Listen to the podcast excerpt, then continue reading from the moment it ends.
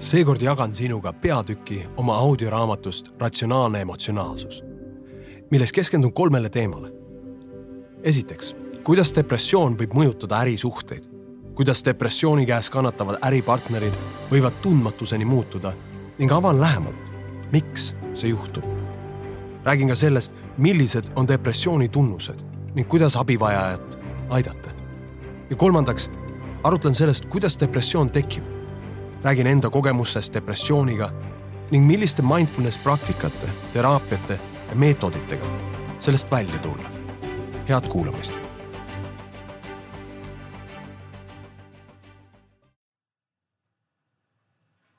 lisapeatükk.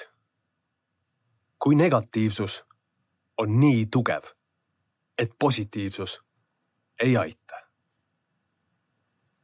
palusin mitmel inimesel enne raamatu avaldamist lugeda selle käsikirja. üks väärtuslik tagasiside tuli ka Rolf Annomilt, kes pööras mu tähelepanu sellele, et kõiki inimesi ei pruugi positiivsus aidata.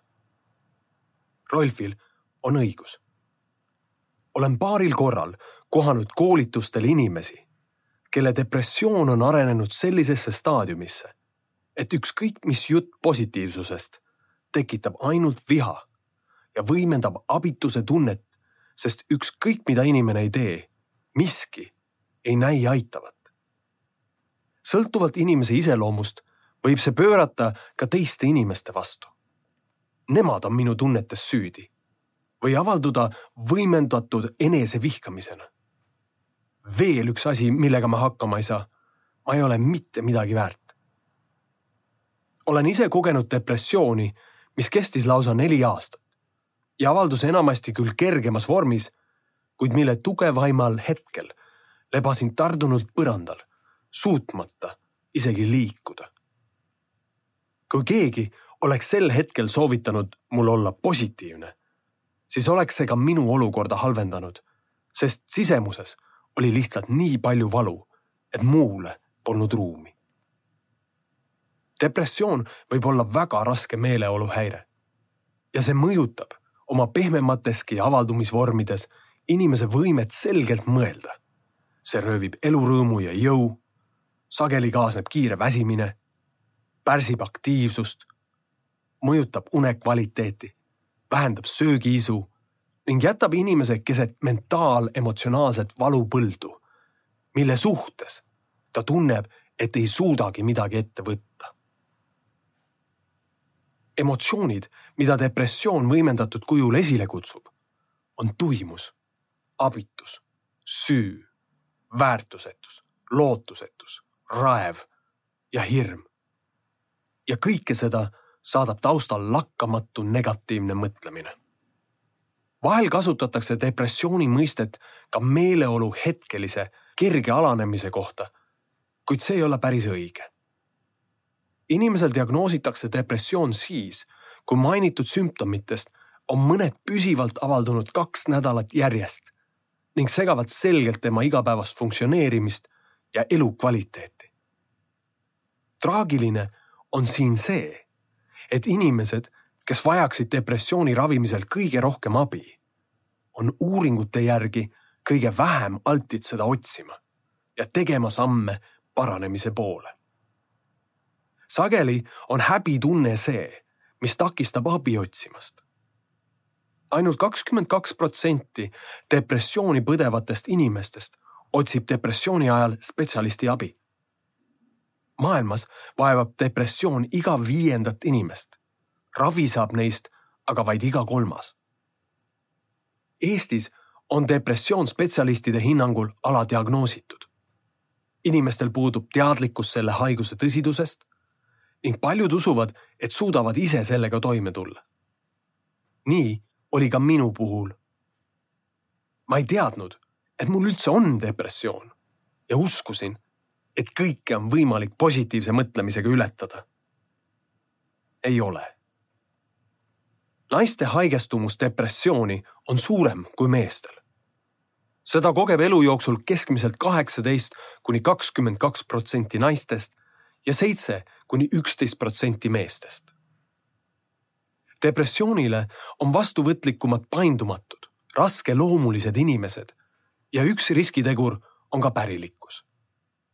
samuti võivad haiguse vallandada järsud muutused, näiteks elukoha vahetus ning samuti sotsiaalse võrgustiku puudumine või pikaaegne haigus. on leitud, et depressiooni haigestumine on tõenäolisem, kui suguvõsas on esinenud depressiooni, enesetappu, söömishäireid või alkoholismi. enamasti käivad inimesed tööl edasi, kuid nende produktiivsus on madal. Nad võtavad keskmiselt viis korda rohkem haiguspäevi sest depressiooniga kaasnevate neurohormonaalsete muutuste tõttu nõrgeneb inimese immuunsus ja kahjustavad organisatsiooni üleüldist moraali. Samuti on löögi all nende lähi- ja sõprussuhted. ning kui need inimesed satuvad olema töötud, siis tõenäosus tööd leida langeb järsult, sest neil puudub sära, et kandidaatide hulgast välja paista ja energia, et tööintervjuud läbida iga uus äraütlemine mõjub ebaproportsionaalselt suure kaotusena, süvendades inimese uskumust, et tema ise on väärtusetu ja töö leidmine on võimatu, mis omakorda toob kaasa käega löömise ja surnud ringi. aastal tuhat üheksasada kaheksakümmend kolm läbi viidud pilootuuringus saja neljakümne ühe sügavat depressiooni kogeva inimese hulgas kelle haigus oli kestnud rohkem kui kolmteist kuud, leiti, et keskmiselt kaheksa nädalat pärast paranemist kukkus enamik tagasi depressiooni. Kõik uuringud on tänaseks tõestanud sama. vähemalt viiskümmend protsenti inimestest ehk iga teine, kes on juba kord kogenud sügavat depressiooni, kogeb seda uuesti. Nende puhul, kes on kogenud depressiooni juba kahel või enamal korral, kasvab see tõenäosus lausa seitsmekümne kuni kaheksakümne protsendini. depressioon on meie ajastu tõsine probleem. Maailma Tervishoiuorganisatsiooni andmetel on depressioon üks suuremaid läänemaailma inimeste mentaalset tervist ohustavaid haigusi. Eestis on praegu umbes üheksakümmend tuhat depressioonihaiget näen selle mõju viimase kahe aasta jooksul isiklikult järjest teravamalt. koostööpartnerid, kellega muidu on olnud hea koostöö, võivad tundmatuseni muutuda ja käituda ärilisest perspektiivist vaadatuna täiesti vastutustundetult, ignoreerida lubadusi ja tähtaegu ning tekitada infosulu. kuna paljud ei taipa ise abi otsida, on ülimalt tähtis, et tööandja, sõber, elukaaslane ei suunaks neid motivatsioonikoolitusele, vaid arstikabinetti.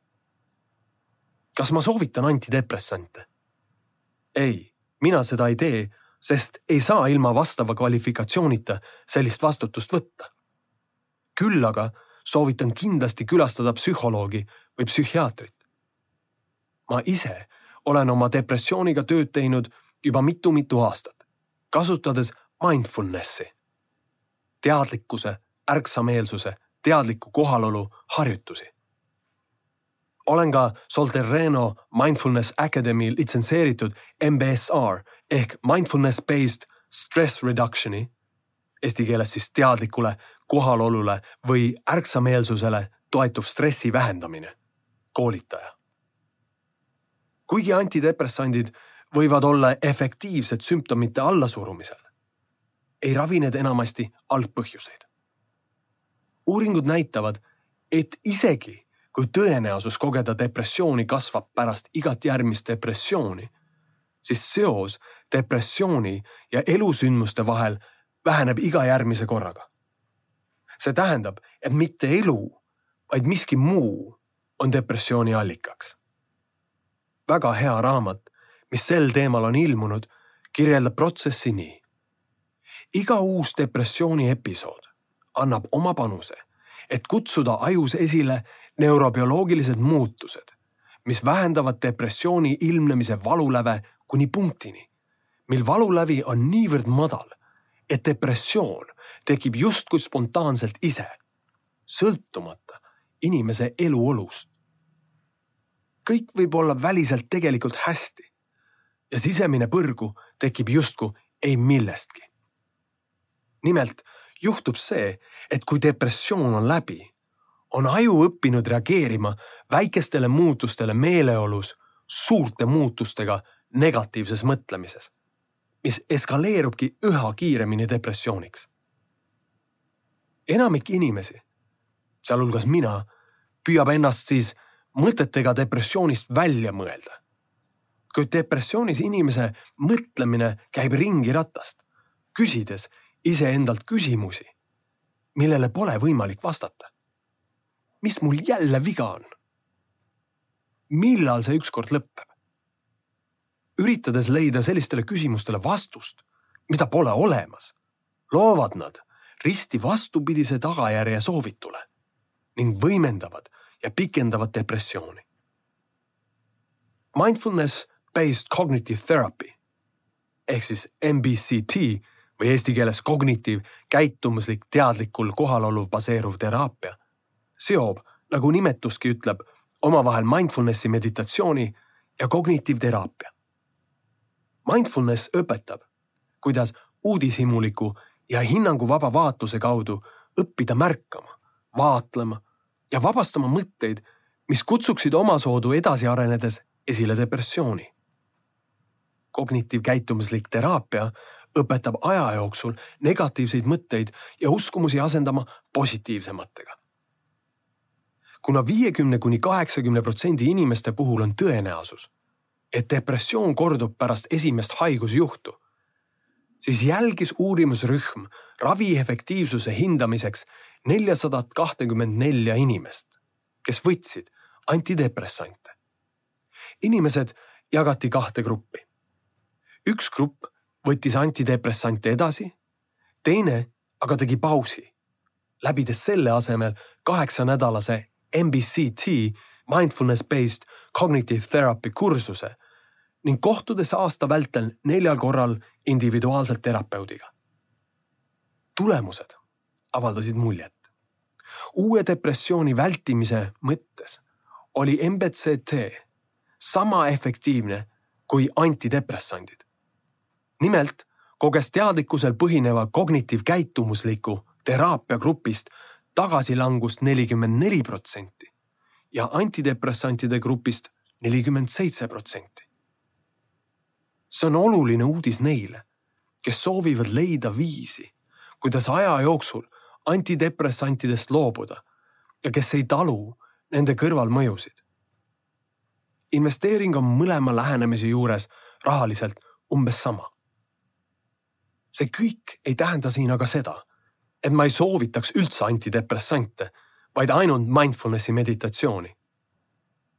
isegi kui ravimid ei kõrvalda haiguse algpõhjuseid, tuleb iseendalt väga ausalt küsida et kas ma saan endale praegu tegelikult depressiooni lubada.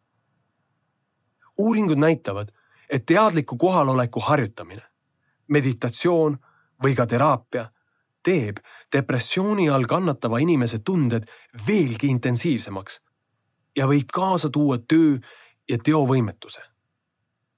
Nii võivad välja tulla lapsepõlvetraumad või kasvatuslikud puudujäägid, mille ravi nõuab juba komplekssemat lähenemist. kui inimesel on juhtida meeskond, ettevõte, maksta laenud ja temast sõltuvad materiaalselt, moraalselt ja emotsionaalselt teised inimesed, siis ei ole see minu arvates eetiline, kui keelduda antidepressantidest. parem ajutiselt maha surutud sümptomid ja seeläbi juurde ostetud aeg ning elujõud, et tutvuda mindfulnessi ja või mõne muu meditatsiooniga ja koguda vaimset ressurssi teraapiaks kui totaalne kollaps, töövõimetus, isiklike suhete ja eneseväärikuse laastumine. tean vaid seda, et kõik, keda ma isiklikult tunnen ja kes on püüdnud oma depressiooni ravida süvameditatsiooni kaudu, kuid kes pole sellest piisavalt kiiresti kasu saanud. mis tähendab, et depressioon on hakanud otseselt mõjutama nende töövõimet, suhteid ja elukvaliteeti on olnud siiski rahul selle valikuga, et kasutada antidepressante. miks ligi pooled aga siiski uuesti depressiooni kogevad? olgu see siis ravitud antidepressantide või mindfulnessi meetodite või teraapiaga. Sest paljude inimeste depressiooni algpõhjused ei pruugi peituda mitte nende praeguses eluolus, vaid ravimata lapsepõlve haavades või hilisemast perioodist pärit traumas, mis on teadvuses mingil põhjusel aktiveerunud. seda on oluline teada, sest depressiooni kogevad inimesed, kellel puudub varasem trauma ajalugu, alluvad antidepressantide toimele paremini. Kognitiiv- käitumuslikul teraapial ei ole trauma taustaga, eriti lapsepõlves kogetud trauma puhul, inimeste ravis paljulubavaid tulemusi. ainult ühel kolmest posttraumaatilise stressihäirega inimesest on näha teraapia järel sümptomeid, mis viitavad paranemisele. enamik kogeb jätkuvaid probleeme oma tervise, töö ning mentaalse heaoluga. Mindfulnessil põhinevad meditatsiooniharjutused on abiks sisemaailmas toimuva teadvustamiseks ja seega ka traumeerivate emotsioonidega toimetulemiseks. kuid praeguste uuringute ja minu enda isikliku kogemuse järgi ei piisa sellest üksinda, et traumat ravida. selleks, et olla traumast mõjutatud, ei pea olema endine Afganistani sõdur või Süüria sõjapagulane. trauma puudutab meid kõiki, meie sõpru, perekonda ja meid ennast. Ameerika statistika näitab, et üks viiest ameeriklasest on kogenud lapsepõlves seksuaalset väärkohtlemist. üks neljast sai vanema käest füüsiliselt karistada nii, et sellest jäi kehale jälg. ja üks kolmest abielupaarist on vägivaldses suhtes neljandik ameeriklasi kasvas alkohoolikus sugulase juures ja üks kaheksast nägi, kuidas tema ema peksti või löödi. kuid trauma tekkeks ei ole vaja kedagi lüüa. piisab sellest, et vanemad ignoreerivad lapse emotsionaalset vajadust armastuse ja turvatunde järele või mõnitavad teda vaimse tugevuse eesmärgil emotsionaalselt nagu selgus kahe tuhande üheksateistkümnenda aasta ÜRO õnneraportist, on USA selles edetabelis üheksateistkümnendal kohal ja Eesti viiekümne viiendal kohal. kui lapsepõlv on üks olulisemaid täiskasvanu enesetunde ja lähisuhete kvaliteedi mõjutajaid, siis kui suur on tõenäosus, et siinsete elanike lapsepõlv ja elu on olnud palju vähem traumeeriv kui ameeriklastel, kes on meist kolm korda õnnelikumad. perevägivalda peeti Eestis kaua aega pere siseasjaks ning ohvrite abistamiseks üldiselt ei sekkutud. tänapäeval peetakse perevägivalda tõsiseks isiksuse vastaseks kuriteoks. kahe tuhande kolmeteistkümnendal aastal registreeriti Eestis kaks tuhat seitsesada viiskümmend kaks perevägivalla kuritegu. juhtumitest suure osa moodustab vägivald elukaaslaste vahel. Sellele järgneb vägivald eakate vastu ja laste väärkohtlemine. suur osa Eesti lastest on kogenud vähemalt korra elus psühholoogilist vägivalda. Euroopa Põhiõiguste Ameti andmetel on Eestis lapsepõlves kogenud füüsilist vägivalda iga teine. nelikümmend protsenti naisi ja viiskümmend viis protsenti mehi. kolmandik on kogenud kergemat laadi füüsilist väärkohtlemist, nagu näiteks togimine, nügimine, tutistamine. seksuaalvägivalda on kogenud iga kümnes Eesti naine ja kolm protsenti meestest. alkohol on seotud ligi kuuekümne viie kuni kaheksakümne protsendi vägivallajuhtumitega. World Health Organizationi, Maailma Tervishoiuorganisatsiooni hinnangul on kuus liitrit elaniku kohta piir, millest alates tekib suur kahju rahva tervisele. iga vähemalt viieteistkümne aastase elaniku kohta joodi aga Eestis kahe tuhande kuueteistkümnendal aastal üheksa koma üheksa liitrit alkoholi traumast mõjutatud lapsed ja ka täiskasvanud võivad käituda kõrvaltvaataja silmis saamatult, nii-öelda imelikult või ebakindlalt, mis tekitab neis imestust, pahameelt või kärsitust. olukordades, kus inimene suudab tavaliselt aktiivselt tegutseda, näitavad traumeeritud inimesed tihti üles abitust ja ei suuda võtta vastutust seal, kus see on normaalne. trauma mõjutab inimese ajutegevust sedavõrd, et aju prefrontaalkoor, mis on seotud võimega planeerida, õppida, mängida ja tunda empaatiat, ei tööta enam normaalselt. Samuti saab tugeva löögi inimese võime kontrollida oma impulsse, emotsioone ja ihasid.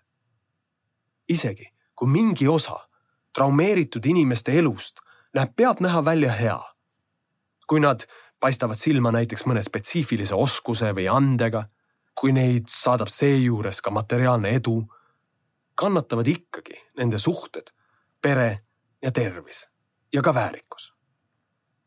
Kuna selline inimene kogeb taustal pidevalt, kuid enesele tihti teadvustamata abitust, siis on tal palju raskem oma olukorda muuta. ta on reeglina passiivsem paremate võimaluste kasutamisel, isegi kui need peaksid elus spontaanselt ilmnema.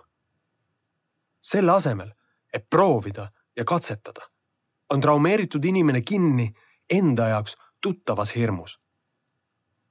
sümpaatiline närvisüsteem aktiveerub siis, kui sihime mõnda eesmärki või kogeme stressi. mõlemas olukorras eritab keha adrenaliini, teisel juhul ka kortisooli, et mobiliseerida meid vajadusel tegudeks kui stress on möödunud või ülesanne saavutatud, vahetab keha justkui käiku ning aktiveerub parasümpaatiline närvisüsteem, mis on seotud lõõgastumise ja rahuga. Normaalsel inimesel vahelduvad need süsteemid päeva jooksul kümneid kordi. kuid iga kord, kui pinge on möödunud, taastub kehas suhteliselt kiiresti rahu. kuna traumakogemus muudab fundamentaalselt viisi kuidas aju töötab. jääb sellise inimese vereringesse suur hulk stressihormoone veel pikaks ajaks pärast seda, kui tegelik stressi põhjustav situatsioon, lähenev tähtaeg, ebameeldiv kiri, liiklusummik, pahur klient, nõudlik ülemus või muu selline on juba möödunud. kogemuslikult väljendub see terve rea füüsiliste probleemidena häiritud uni, peavalud, seletamatu valu kehas, ülitundlikkus puudutustele ja helidele, keskendumisraskused, pinge kõris, pigistus kõhus. Rinnus ja kõhus võib olla läbistav ebameeldivustunne, mida inimene ise nimetab ärevuseks või depressiooniks. hirm kaotada kontroll. pidev hüpervalvelolek ohu või tõrjumise suhtes võimetus avada täielikult oma süda teistele inimestele. inimene tunneb sõna otseses mõttes, nagu tal puudub kontroll ja ta ei juhi oma elu. Isegi kui ta suudab mingi ime läbi teha karjääri ja kasvatada lapsi, kulub tal oma sisemaailma ohjes hoidmiseks tunduvalt rohkem energiat kui teistel.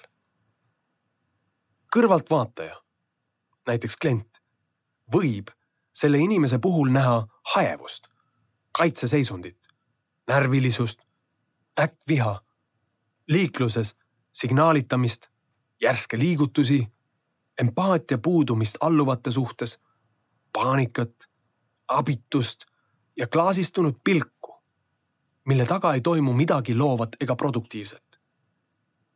ilmselgelt tundub see inimene ebastabiilse ja ebameeldivana kui ta on ülemus, siis inimesed lähevad tema alluvuse alt ära. kui ta on alluv, siis sunnitakse ta lahkuma. kui ta on elukaaslane, siis on ta varsti kaaslaseta, üksi oma hirmus, vihas ja abituses. miks? sest kui keegi on depressioonis, mis väljendub tema nii-öelda raskes energias siis panevad ümbritsevate inimeste ajus olevad peegelneuronid neid teda alateadlikult matkima ja kogema seega ka ise hääbuvat energiat, mida rahvasuu nimetab energiavampiirluseks. Sotsiaalsete suhete löögi alla sattumine ainult võimendab sellise inimese abitust, hirmu ja paanikat hakkama saamise ees, mis väljendub veelgi vähemas püüdes aktiivselt tegutseda elu parandamise nimel. silmside ignoreerimises olukordades, kus kontakt võiks tuua vestluse ja töö pakkumise. nii tekibki aja jooksul ühiskonda grupp inimesi, kes ei taha pealtnäha kellegagi suhelda ja kellega ei taha ka teised suhelda. Nad ei suuda töötada keskkonnas, mis võiks olla emotsionaalselt toetav. ning siis imestatakse koolitustel, meedias, poliitikas ja veiniklaasi taga, miks eestlased küll nii negatiivsed on. miks nad tere ei ütle? miks nad aitäh ei ütle? miks nad silma ei vaata? miks nad midagi ei tee? kus on innovatsioon ja Nokia? Sorry, Apple.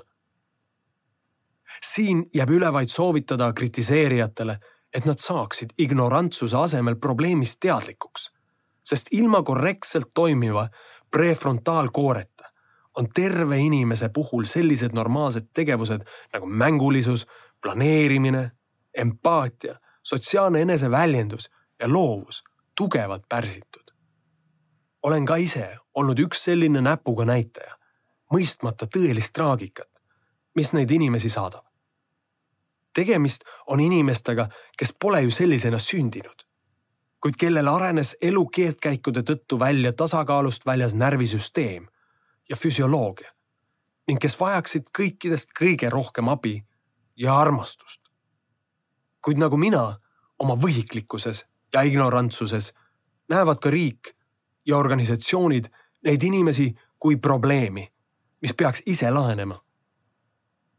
trauma ohvrid tunnevad häbi, hirmu, raevu ja segadust ning ei mõista ise, mis neil viga on.